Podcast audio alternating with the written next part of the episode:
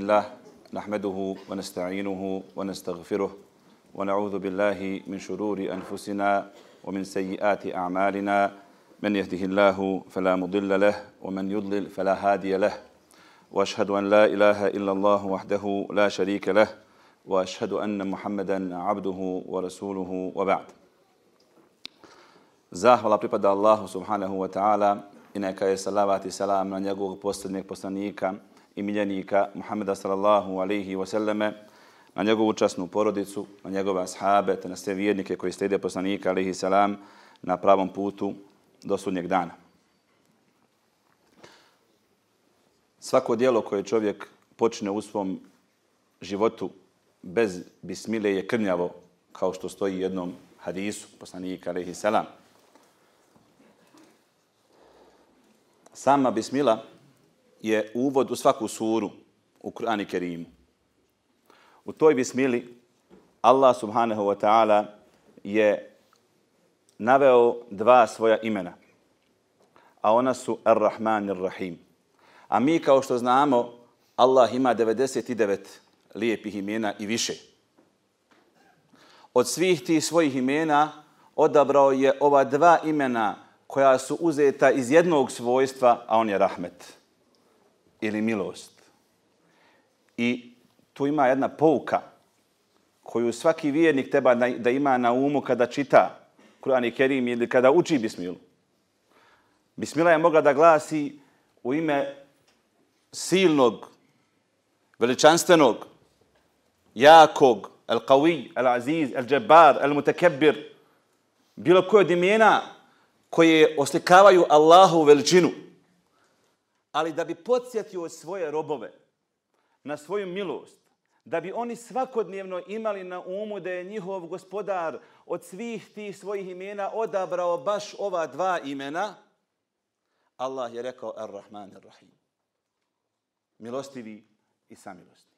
Čak u Fatihi, koju nam je propisao da čitamo u, u namazu, da je učimo kaže gospodar svjetova, Alhamdulillahi Rabbil Alamin, Ar-Rahman Ar-Rahim. Uvodu Fatihe, kada nam Allah kaže hvala Allahu gospodaru svjetova, pa se neko možda uplaši kada čuje da je Allah gospodar svjetova, pa kaže mu Allah ga smiruje i kaže mu Ar-Rahman Ar-Rahim. Jest da sam gospodar svjetova, ali moje najvažnije svojstvo koje želim da se, kad, se, kad me se god sjetiš, da ti to svojstvo naum padne, jeste Ar-Rahman Ar-Rahim. Zato je Allah ponovo u Fatihi naveo ta dva svoja lijepa imena. O svom poslaniku, Muhammedu a.s. Allah kaže ajet koji svaki dan u džami čujemo, a nikad o njemu ne razmišljamo. Kada kaže mu jezin, oma arsalnake illa rahmetel ila alamin. To je kod nas start dove. Diži ruke dovi. Ali Allah kaže وَمَا أَرْسَلْنَاكَ إِلَّا رَحْمَةً لِلْعَالَمِينَ U 107. ajetu sure El-Anbiya mi smo te poslali samo kao milost svjetovima. I poslanik alaihi selam, se tako postavio u svom životu. Kao milost ljudima. Nikada nije žudio da kažnjava ljude. I uvijek je to maksimalno izbjegavao i pokazao je svoju milost u raznim situacijama, mnogobornim hadisima o kojima sada nećemo govoriti. Ali ono što jeste poruka je ono što navodi jedan bošnjak po imenu Mustafa Balić, kojeg mi ne znamo, ali on je bio šeheh u Islamu u Osmanskom carstvu. A to je bila najveća funkcija koju je mogao iko u islamskoj hjerarhiji tada da dostigne u Osmanskom carstvu. Da budeš šeheh u Islam, da budeš znači, glavni muftija za čitao Osmansko carstvo. Dva bošnjaka su na toj poziciji bila. Jedan od njih je bio Mustafa Balić. U jednoj svojoj knjizi u Hanefijskom fiku, u uvodu knjige, kada je govorio o bismili, kaže Vjernik je dužan da se okiti svakim Allahovim imenom onako kako on to može. Vjernik je dužan da se okiti svakim Allahovim imenom onoliko koliko on to može, osim Allahovog imena, Allah za njega je dužan da se veže i da se na njega oslanja. Što to znači? To znači kada čuješ da je Allah ar-Rahman, da ti nastojiš da budeš takav. Ti ne možeš biti kao Allah ar-Rahman, ali možeš biti kako doliko jednom stvorenju da budeš takav. Ako je Allah kerim, plemenit, nastoj biti plemenit. Či lijepo je biti plemenit. Pokušaj primijeniti Allahova lijepa imena i svojstva u svom životu. Zato je poslanik Ali Selam opisan u Koranu sa riječima kojima Allah opisao sebe, opisao i njega. Kaže Allah, o bil mu'minine raufur rahim. Muhammed a.s. je prema vjernicima bio kako? Raufun rahim. Milostiv, blag i milostiv. To su pohvale od Allaha direktno poslaniku a.s. da je bio takav. Mi kada govorimo o poslaniku a.s. uvijek se čovjek treba zapitati jesam li ja kao on? Jer je on naš uzor. Mi se svi na njega pozivamo. Mi svi želimo i žudimo da budemo kao poslanik a.s ali imamo li pri sebi njegova svojstva? Ili nastojimo li da se usavršimo? Nastojimo li da primjenimo ono što nemamo kod sebe? Pa da sličimo poslaniku, ali salam, koliko možemo. Kada je opisivao poslanika, ali salam, u 29. maja sure Feth, zadnje ajete sure, Allah kaže Muhammedun Rasulullah. Muhammed je Allaho poslanik. وَالَّذِينَ مَعْهُ A oni koji su sa njim, oko njega, Ešidda'u عَلَى الْكُفَّارِ رُحَمَاءُ بَيْنَهُمْ Oni su žestoki prema nevjernicima, kada ratno stanje, normalno, kaže, ruhama'u bejnehum. Milostivi međusobno. Samilostni međusobno. To je ono što, to je odnos koji treba da bude među vjernicima. Ta milost i ljubav. Ako smo mi pravi vjernici. Ne može, kaže poslanik alaih selam, la yu'minu ahadukum hatta yuhibba li akhihi ma yuhibbu li nafsihi. Ne vjeruje niko od vas, tako glasi hadis bukvalno. Učenjaci kažu nije potpun iman insana dok ne bude volio svom bratu ono što voli samom sebi. Mi često dozvoljavamo sebi ono što digme zabranjujemo. Dozvoljavamo sebi da ogovaramo ljude, da napadamo ljude, kritikujemo ljude, da ih sramotimo i tako dalje. A kad nas neko slučajno po, po tome spomeni, e onda se pokušamo osvijetiti na bilo koji način. Ima ljudi koji su svoje pozicije koje, koje im je Allah dao na ovom svijetu iskoristili za obračunavanje sa svojim neistomišljenicima i to rade 20 godina. I sada ih neko bocno, jedan put kao što oni bockaju 20 godina, kaže ljudi zulum. Ovo boli. Boli, brate. Ali moraš znati da si ti možda 20 godina desetini ili nakon stotinama ljudi tako isto radio. Ali kada čovjek osjeti da je pogriješio, kada se njemu dogodi to, često ne možeš da nađeš ta, ta, tu, taj rahmet među vjernicima, čak suprotno tome nađeš mržnju, nađeš loše ponašanje, a moje pravo kod tebe i tvoje pravo kod mene je da budemo jedni prema drugima milostivi. To je moje pravo, ne tvoja dobrota. Ti moraš te prema meni ponašati kako ja to želim. Kako ti islam nalaže. I nije ovo vjera kako ko hoće. Nego postoje propisi kako se, kako se treba, treba ponašati.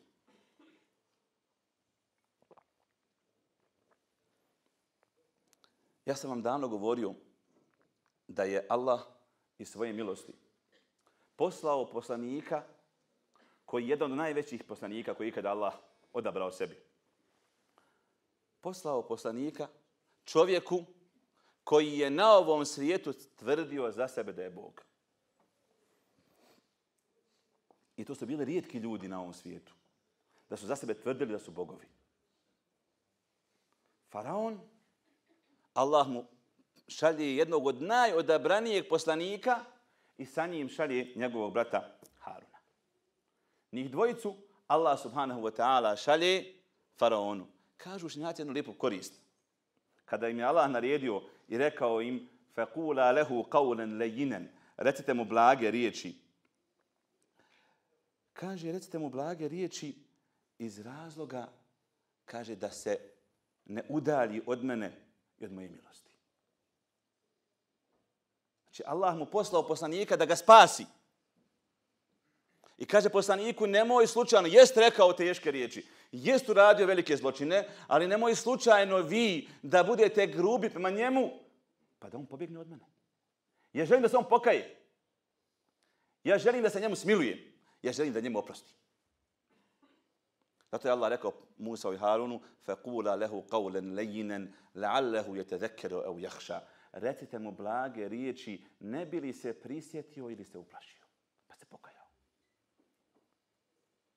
Pogledajte kolika je milost Allaha subhanahu wa ta'ala da čovjeku koji se na ovakav način ponašao na ovom svijetu i prema svom gospodaru, da Allah subhanahu wa ta'ala kaže svojim poslanicima da budu prema njemu blagi, da on ne bi otišao daleko i otišao daleko od Allahove, od Allahove milosti.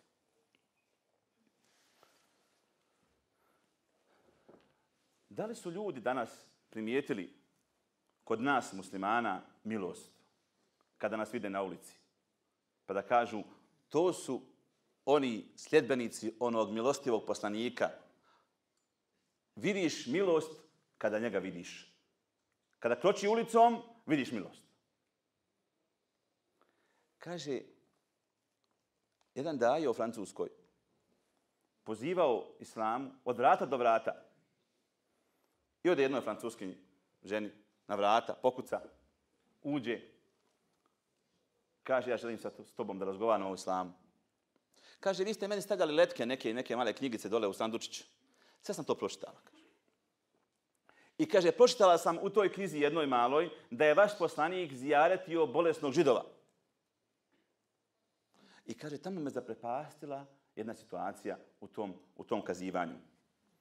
Kaže, u tom kazivanju, kada je došao vaš poslanik do tog mladog židova, rekao mu je, eslim, primi islam.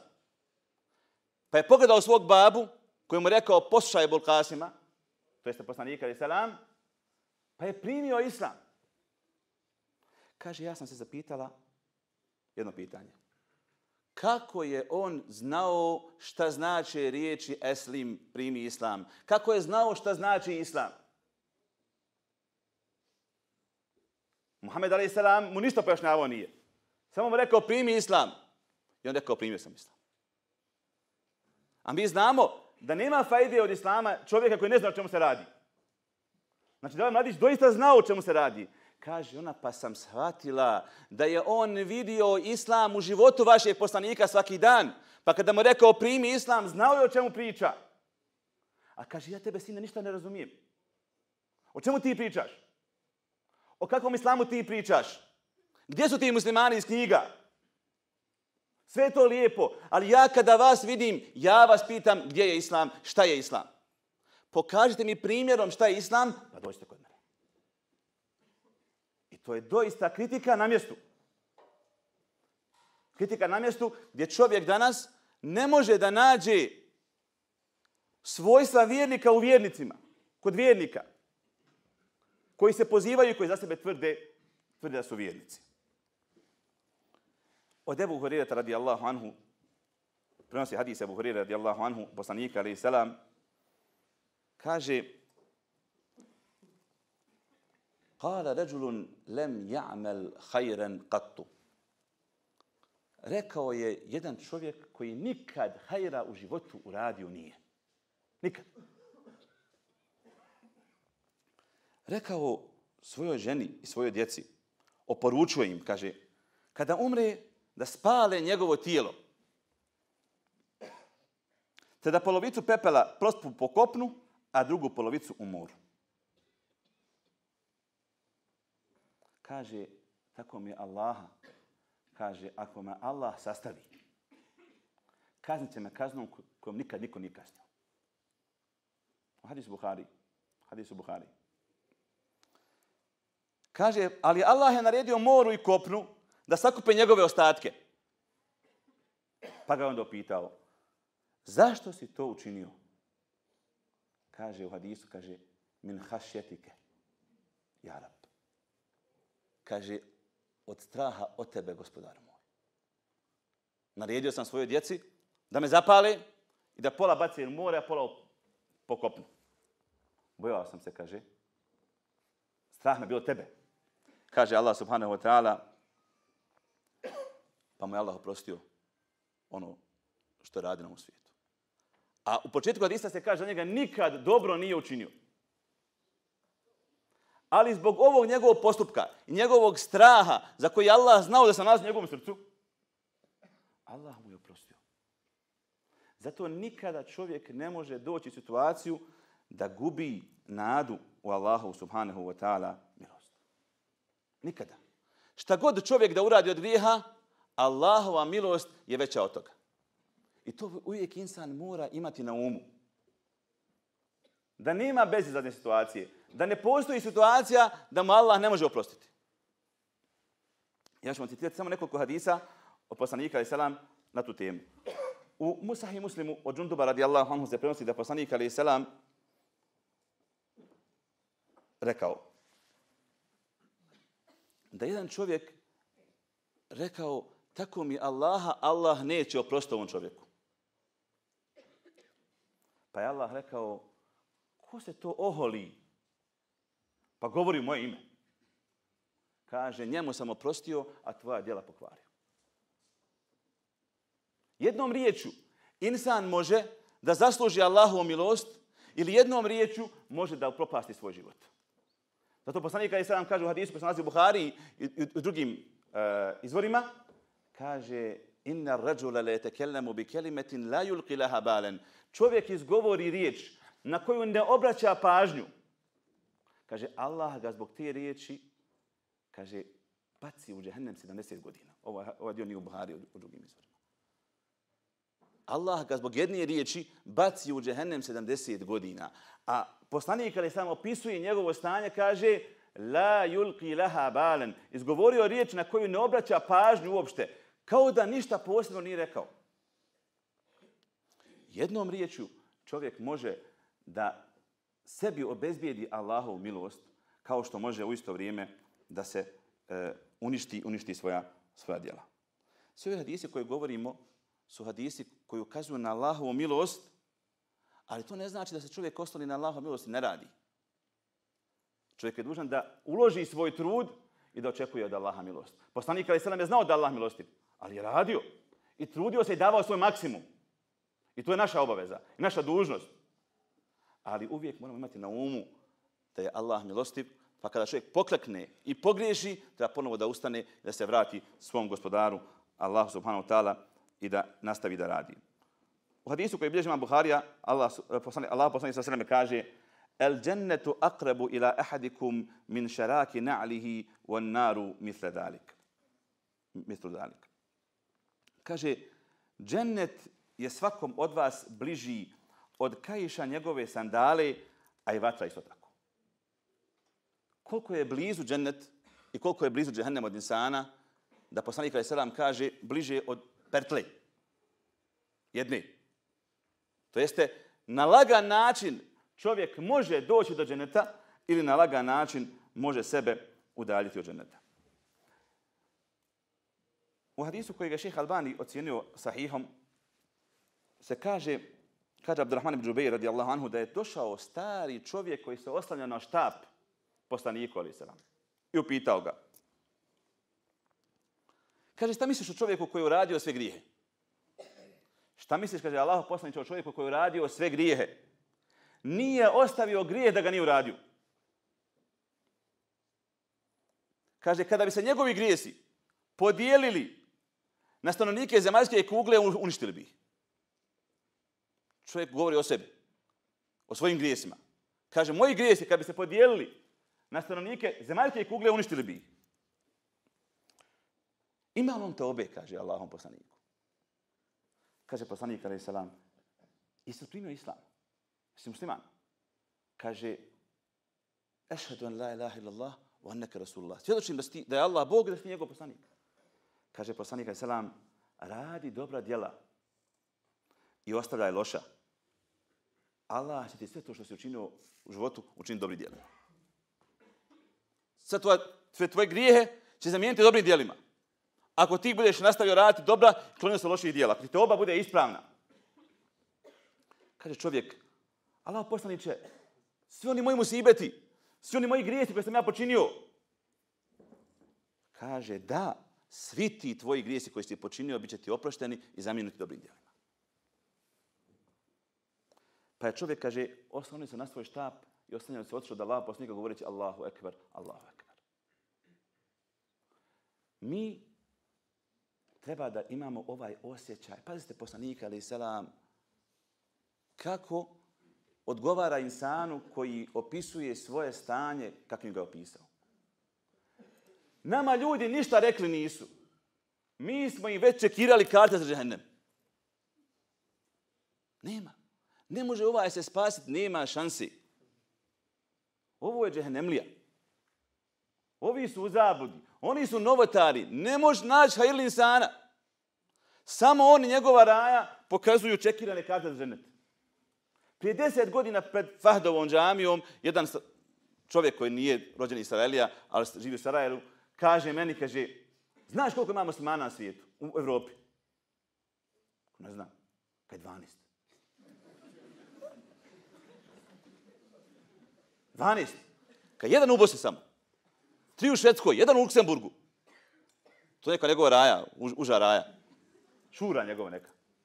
Ja vam kajem, brate, ja neću tomu raspravati o tome, ali ja ne mogu shvatiti da je Allahova milost toliko mala, do toliko miliona ljudi, 12 i sam budu vjernici.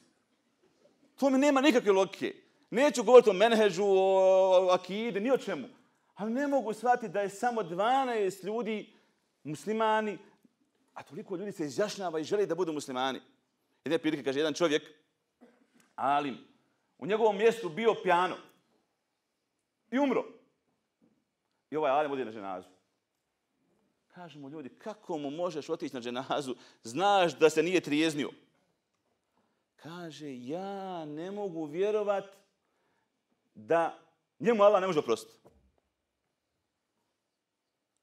Neću da pomislim to. Da taj grijeh Allah ne može oprostiti. To je slično hadisu poslanika ali selam kada je čovjek se napio pa došao pa ga poslanik selam kaznio pa se napio ponovo pa ga opet kaznio pa opet se napio. To je ashabio pa Ashab. Poslanik ali selam ga šarijskom kaznom kazni. Bičuje ga. I on se ponovo napije. A pa živio sa Omerom, sa Obekrom, sa... Ne s nama. Živio sa najodabranijim društvom. I opet je napije. I ashabi ga pođu vrijeđati.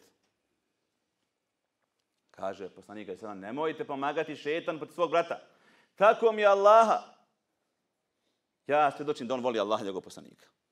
Allah ga iskušao. Allah ga iskušao grijehom. Ali on je vjernik. Taj ga grijeh ne izvodi iz Islama. I mi nismo poslani ljudima da sudimo. Kao što Allah kaže u suri uh, Mutafifin, وَمَا أُرْسِلُوا عَلَيْهِمْ حَافِظِينَ Oni nisu poslani ljudima kao čuvari. Mi nismo odgovorni šta će se dogoditi sa ljudima. To nije bila misija ni poslanika, ali i salam. Allah je poslaniku na više mjesta u Koranu rekao ma alar rasuli illa al balag.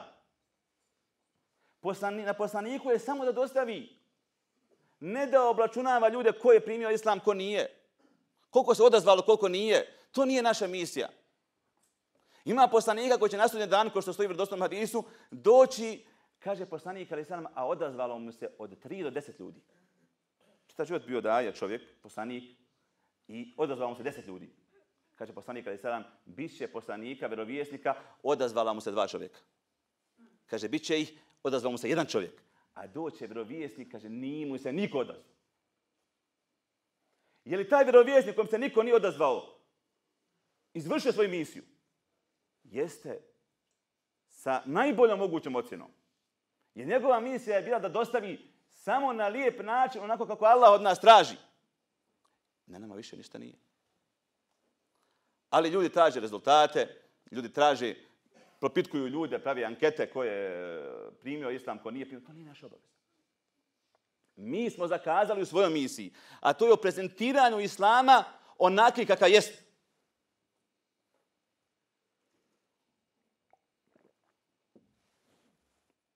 Kad bi vas upitao, Ili vi upitajte. Mene je stid. Običnog insana koji nije odlazi u džamiju. Na što te asocira vijenik?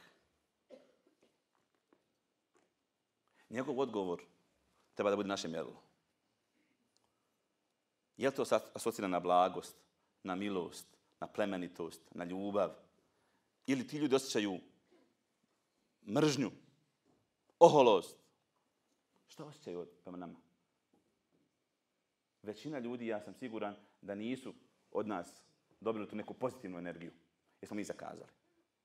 Svaki vjernik treba da se ponaša u društvu kao doktor u bolnici koji obilazi svoje pacijente i pita ih šta im treba, jesu dobro, je li u redu. Kad vidi onog s rakom umiri, zna po nalazima da će sutra umrijeti. Ostalo mu dan, dva, tri. Kaže, Allah će te dati inšala, sve najbolje, sve u redu inšala, budi veseo. Tako da. Davat mu nadu. Mi smo loši ambasadori Islama, to smo više puta rekao. I to je problem danas, što su muslimani izgubili svoju snagu.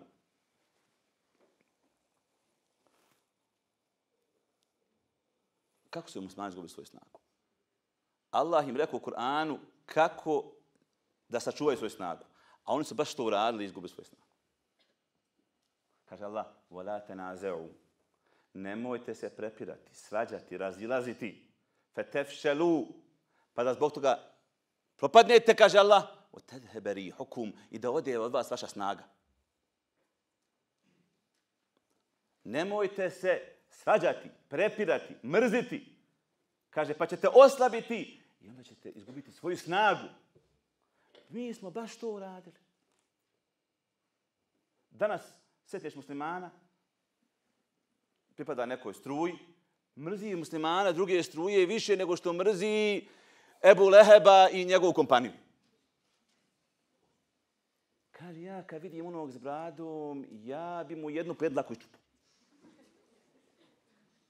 Ovaj, kad, kad vidim onog u teki, ja bi ga u ekserio. To se muslimana jedan drugi. To je na islam, to je na ljubav, to je rahmet. Mi kad teoretski pričamo, mi smo okej. Okay. Ali u praksi, u praksi smo zakazali i većina, da kažem, odnosa među tim strujama muslimana su, da kažem malo dubu riječ, munafički. Kaže jedan, susreli se dva čovjeka iz dvije različite struje u potpunosti. Pa kaže, pitaju ovog jednog, kako je bio sastanak? Kaže, nafekani wa nafektuhu. Kaže, on meni mu nafću, a njemu nafču. Ti danas vidiš no, ljude iza, a, salam ali, kako je, maša Allah, kako je hafiz, dobro, maša. Odeš, ono, čovjek bi te, da može i kako zadavio. I ovo isto sa bradom, kad vidiš, ono, ne vidi, vidi dedu džami tamo, onaj, osjeća neku mržnju, prema to dede. Nepojmljivo. Umjesto da se držimo zajedno,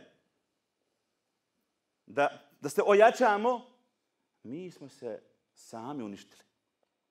I sve što nam se događa je zbog naše slabosti, ne zbog snage naših neprijatelja. Mi da smo složni, pa nam ne mogu ništa ništa. Ali naš problem je što se tri bošnjaka razviju na četiri mišljenja.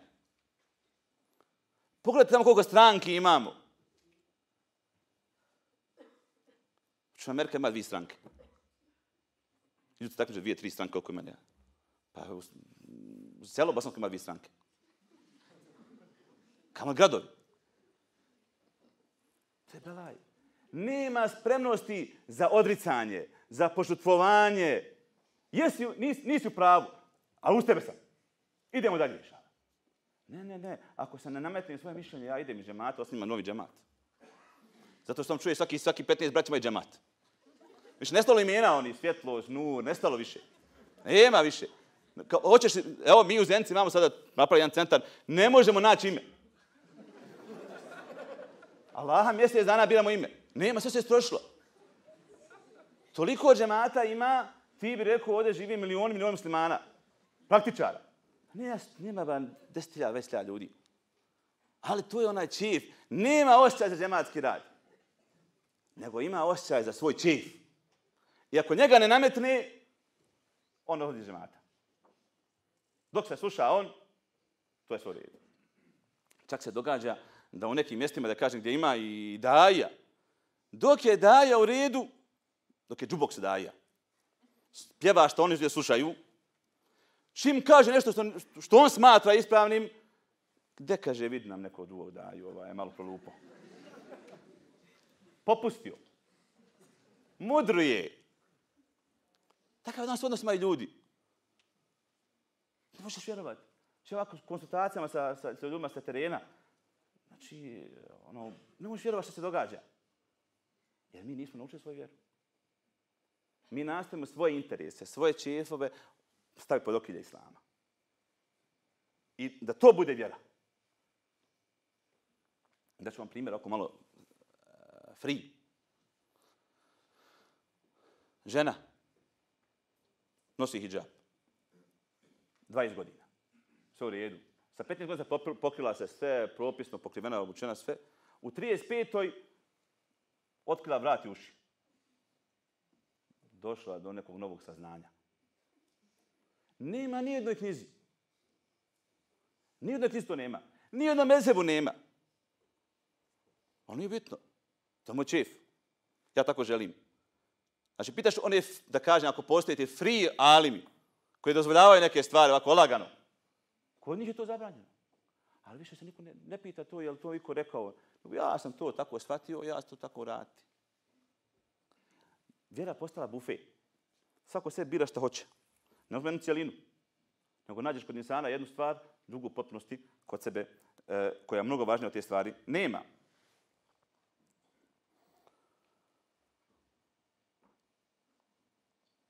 Kaže hadis u Buhari, kaže poslanik alaih sallam, lemma qada Allahu l'halqa, ketebe indahu fauqa aršihi inna rahmeti sebe qad gadabi. Kaže Allah subhanahu wa ta'ala kada je stvorio i završio, okončao stvaranje, zapisao je kod sebe iznad svoga arša moja je milost pretekla moju srđbu. Allah napisao ovu rešenicu poviš svog arša. Moja je milost pretekla moju srđbu. Šta misliš da to napišeš? Gdje imaš najviše bračnih problema? U dnevnoj sobi. Moja je milost pretekla moju srđbu. Kad dođe do Belaja, vidiš, ajde ja ću biti vakav, inšala. Nastojat, biti milostiv. Neću se odmah onaj, zainatit, Neću odmah napraviti problem, neću odmah napraviti Belaj. Dolazi čovjek poslaniku, ali selam, kaže, Allah poslaniče, imam roba.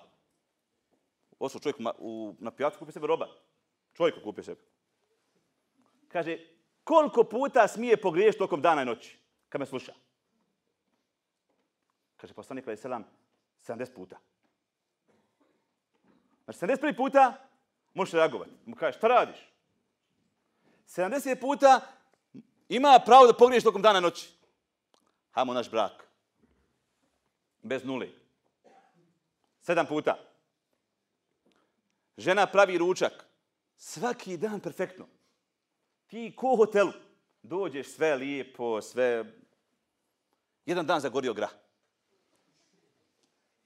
Kakva je reakcija? Pa ti ručak ne možeš napraviti čovječe. Jednu stvar tokom dana ne možeš napraviti treba. Nema ni oni sedam, ne sedam deset. Ne da halali. Enes sad vam kaže, studio sam poslanika sad deset godina, nikad mi ni zašto nije rekao zašto si radio ovako. Nikad me nije ukorio. Nikad. Deset godina bio sluga. Pa mi se ne možemo pohvaliti deset dana da, da su naše žene da kažemo naj, da, da je stanje tako. Da kaže, deset dana, on nije ništa ružno rekao. To je pohvala za naše vrijeme. Ako ništa ružno nije rekao, a nekada kaže nešto lijepo, da pohvali svoju ženu. Kad je umro Ebu Seleme, njegova žena Umu Seleme voljela ga puno. Puno ga voljela. Imala djete sa njim. Kaže, došli je žene i ljudi, govore joj, strpi se, Allah će ti dati onaj bolje, inša Allah, što za tebe još bolje. Kaže ona, može li biti bolje od Ebu Seleme? Ne može biti bolje od ovog čovjeka? Ne može biti bolje. Pa kako svjedoči, ovo danas nema.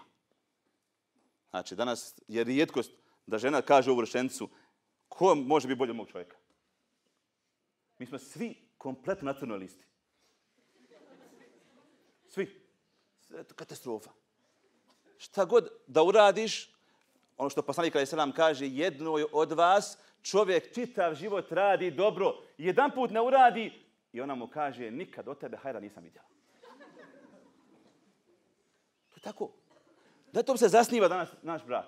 Pađe, šta je, da kažem, smiješno, što je poslanik sam e, rekao da će to dogoditi. I evo događa se. Događa se da nema jedna greška, katastrofa. Ali problem je što su i neki muškarci postali žene. Kad smo učili poglede o razvodu na fakultetu, kaže nam profesor, Allah je među četiri opcije razvoda odabrao samo jednu opciju. Kad postoje opcija da razvod ima i žena i muško, onda bi to bilo kod prve svađe ko će prije, prije koga razvesti. Da se ne priča pogleda, ona mene razvela. Ja sam prvi. To je neodrživo stanje. Zato Allah to nije propisao. Bez razvoda nikako i to neodrživo stanje. Nekad se ljudi ne mogu više. Razvod, razvod je izlaz. Da nastave živjeti nekakvim svojim životima. Kaže, treća opcija da žena ima razvod, da čovjek nema razvod. Navodi se jedna rivajet, jedna, jedna priča, kazivanje, hikaja od imame Buhanife. Nisam nikad proverio, ali je, kajem, poučna, bez obzira da li bila istina ne. Jer nije hadis. Kaže da je žena malo bila buntovnik sa svojim čovjekom. I čovjek ode na predavanje, išao na predavanje kod imame Buhanife. I odšao jedan dan, vratio se kući, kaže, ženo, rekao imame Buhanife da žena može razvesti muškarca. Šta rekao, kaže? Može, kaže, žena razvesti muškarca. Hajde, kaže, ustani, kaže, potrijebi potrijeb kuću, kaže, ili R, razvodim te. Kaj on ustani, kaže, potrijebi, oprimi sve. Hajde, kaže, napravi ručak, kaže, ili R. I on napravi ručak. Ono. Hajde ovo, hajde ono, sedam dana, kaže, trpio je. Posto rob onaj, pijaci.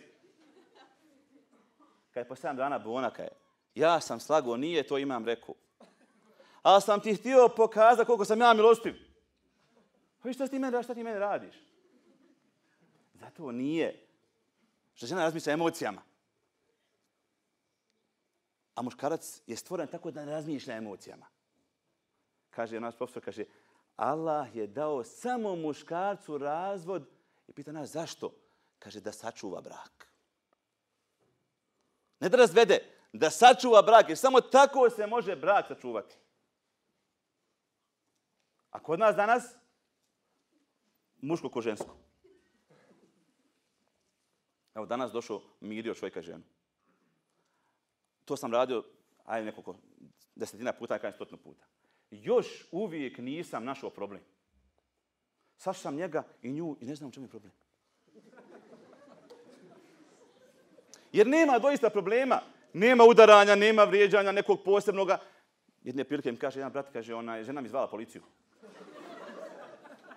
I došao policajac na vrata i kaže meni, kaže, šta je bilo? Kaže, ne znam, šta, ko je zvao policiju? Kaže, ona, ja. Kaže, šta je bilo? Kaže, tako mi, kaže, govori mi ovo, ono. Pa ono koje... Ja sam gore to čovjeka, kaže. Šta se vala mene, kaže? Pa svaku kuću moram ulaziti, da kaže. To, to je stanje, ba. to je normalni belahajba, kaže, ovdje kući. U situaciji da određen čovjek sa ženom posvađan, kaže, razbila tanjir.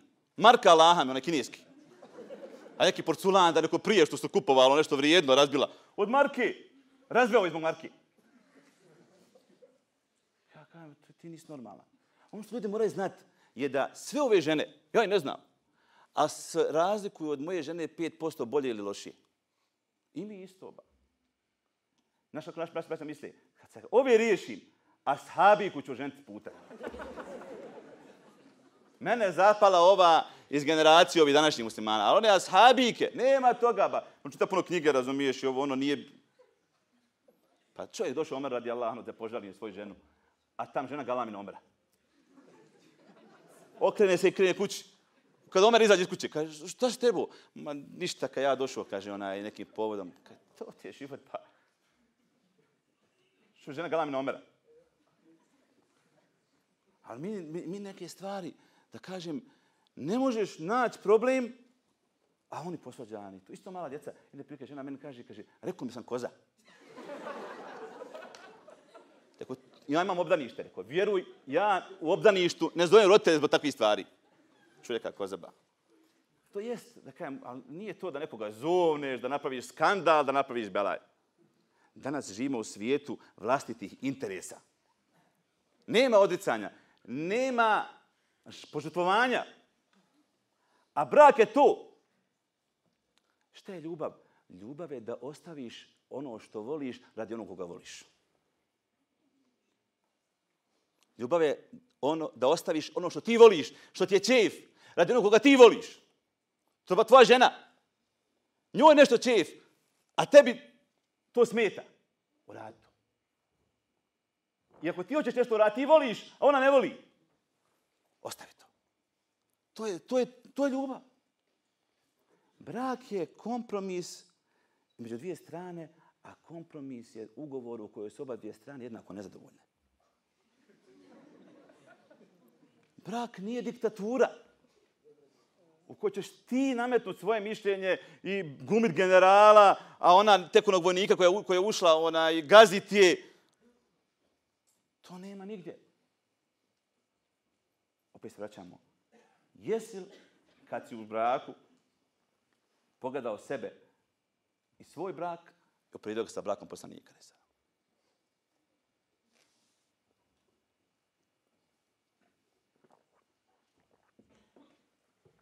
Muškarci imaju kod sebe jedan problem. Tako su stvoreni i to tim su iskušani. A to je na lažna muškost. Na koju šetan uvijek igra kada je, kada je problem u braku. Uvrijedna mi, kaže, muškost. Poslanik kada je sedam sjedi sa svima sahabima kod sebe na sjelu u kući Aiše. Kuca sluga od Zeyneb radijallahu anha. I kaže Allah poslanik se poslala Zeyneb hrane za goste da prizalogaje dok sjedi. Aisha ljubomorna, čujem, on, u mojoj kući sjedi, ona šalje hranu. Ustaje i udara slugu po ruci. Razbija iz dijelu i hranu, propasti sve. Pa sad, to je što mi kažemo scena. A pa me scenu.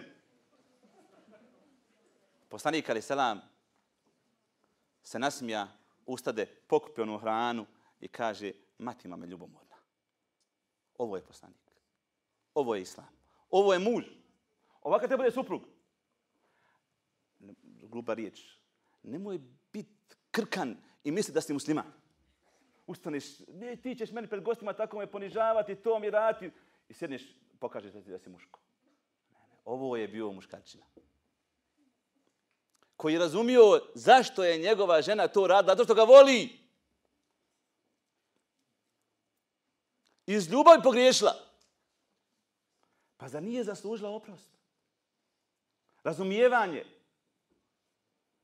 Ali kažem, od porodice kad kreneš, Mi, mi slabo milosti imamo, pa nadalje u društvo i tako dalje.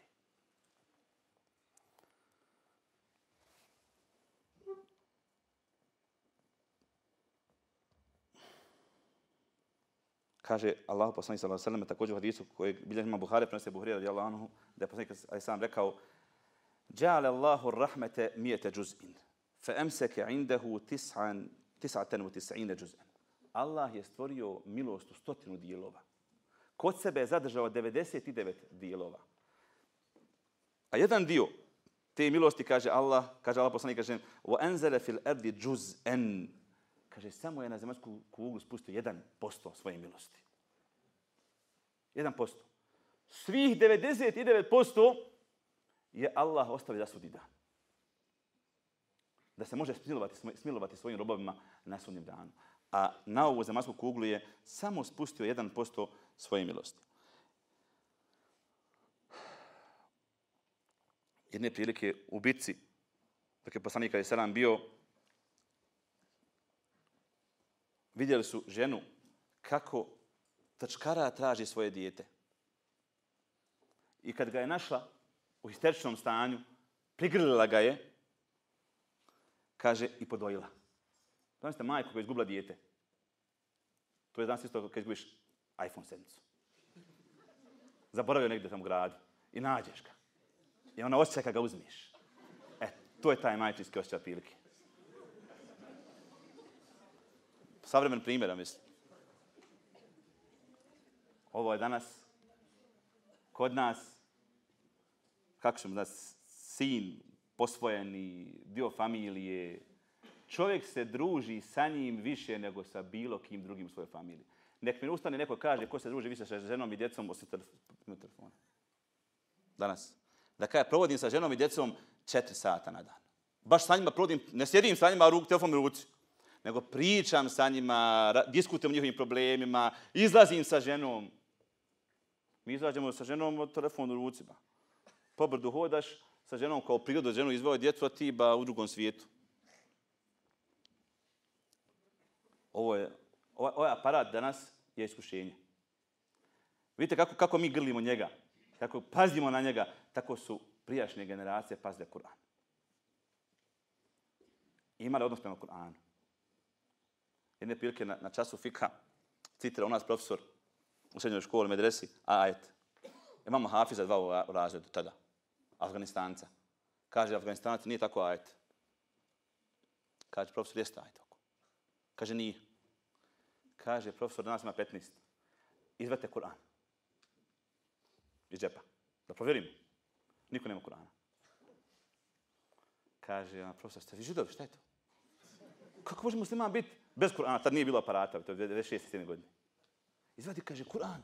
Kako može doći u školu da nemaš Kur'ana u džepu? Ti u medresu ideš, nemaš Kur'ana. To ti je glavni, kaže, olovka, Kur'an u džepu stoji.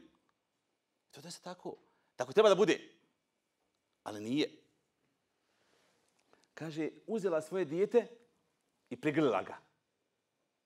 Našla ga, a bila ga izgubila. Kaže poslanik alaih salam, koristi tu priliku. Kaže, šta mislite, može li ova žena sad baciti svoje dijete u vatru? Da ga uzme, vidi vatru, da ga baci. Kaže, Allah poslaniče. Kad smo vidjeli ovaj, ovaj, ovaj, ovaj izliv milosti te žene prema svom djetetu, to je nemoguće. Kaže Allah poslanik salam, Allah je milostiviji od ove žene prema svom djetetu. Allah je milostiviji od ove žene prema svom djetetu Prema svojim vjernim, prema svojim robovima. Allah subhanahu wa ta'ala je milostiviji od, od, ove, od ove žene.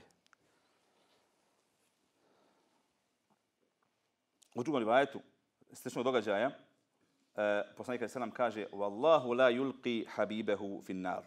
Allah neće baciti svog voljenog roba u vatru.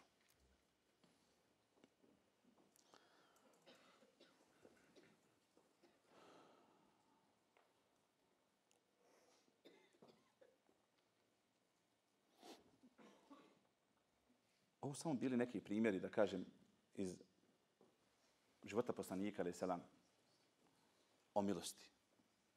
O milosti Allaha, subhanahu wa ta'ala, kao stvoritelja ovog svijeta. Zatim milosti njegovog poslanika.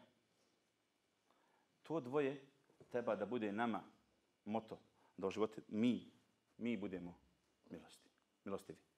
I da ljudi koji su oko nas osjete i ljubav, i milost, i nadu kad se susretnu s nama nasmi se, zubi nisu avret, po konsenzusu islamskih učenjaka, unesi radost u srca ljudi, neka ljudi zavole islam kroz tebe.